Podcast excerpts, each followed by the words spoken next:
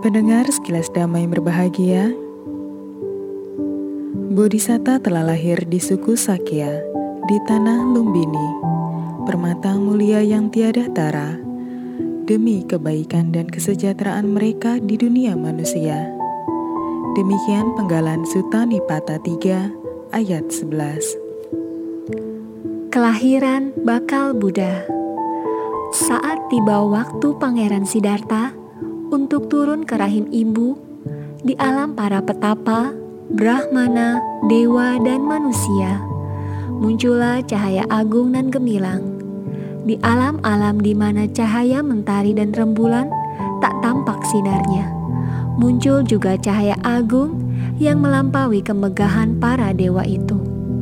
Dunia pun bergetar dahsyat. Empat dewa penjaga empat penjuru dunia mendekati Pangeran Siddhartha dan berkata, "Semoga tak ada kematian ataupun kejahatan yang dapat melukai bakal Buddha maupun ibunya." Waktu itu, di alam manusia di wilayah Majima Desa, benua Jambudipa, adalah masa pemerintahan Mahajana pada 16 negeri agung. Sang ibu adalah Ratu Mahamaya. Ayahnya Raja Sudodana dari kasta Katia, suku Sakya, Wangsa Surya, pemimpin Republik Sakya, Gana Raja, dengan Kapilawatu sebagai ibu kotanya. Pada hari pertama kehamilannya, Ratu Mahamaya berpuasa ia bermimpi bertemu empat maharaja dewa. Mereka membawanya ke pohon sala di Himalaya. Para istri dewa lalu memandikannya di danau Anotata dan mengenakan busana surgawi padanya.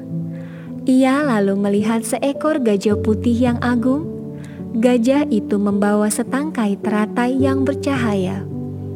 Dengan gerakan yang anggun, Gajah itu masuk ke dalam rahim sang ibu dari sisi kanan, dan turunlah Pangeran Siddhartha ke rahim ibunya yang tak tercela tindakannya yang murni batinnya. Saat mengandung, ibu Pangeran Siddhartha sangat bahagia. Ia tidak pernah merasa sakit sama sekali. Jika ibu lain mengandung anaknya selama sembilan bulan, ibu Pangeran Siddhartha mengandung selama 10 bulan. Jika ibu lain melahirkan sambil berbaring, ibu Pangeran Siddhartha melahirkan sambil berdiri.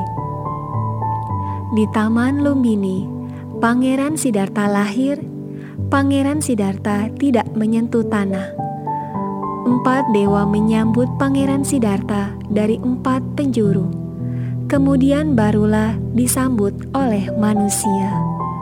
Keempat dewa berdiri di dekat ibu Pangeran Siddhartha dan berkata, Bersuka citalah, wahai ratu, padamu telah lahir seorang putra yang unggul. Pangeran Siddhartha lahir dalam keadaan bersih, tak ternodai oleh apa pun. Lalu, dari langit turunlah air dingin dan air panas yang memandikan Pangeran Siddhartha dan ibunya. Pangeran Siddhartha berdiri kokoh pada kedua kaki Pangeran Siddhartha.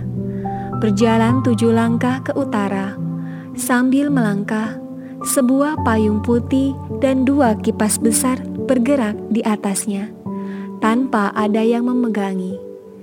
Di setiap langkah Pangeran Siddhartha, tumbuh sekuntum teratai. Pangeran Siddhartha lalu menghadap ke seluruh penjuru dan berkata, Akulah yang tertinggi di dunia ini. Akulah yang terbaik di dunia ini. Akulah yang terunggul di dunia ini. Inilah kelahiran terakhir. Tidak ada lagi kelahiran ulang. Nantikan sekilas dama episode berikutnya yang berjudul Tawa dan Tangis Petapa Asita. Sekilas dama spesial kisah hidup Sang Tata Gata akan hadir selama 100 hari menyambut Hari Waisak 2562 tahun 2021. Sekilas Dhamma dapat didengarkan melalui Spotify dan channel YouTube Cetia Dhamma Dayada dengan kata kunci Sekilas Dhamma.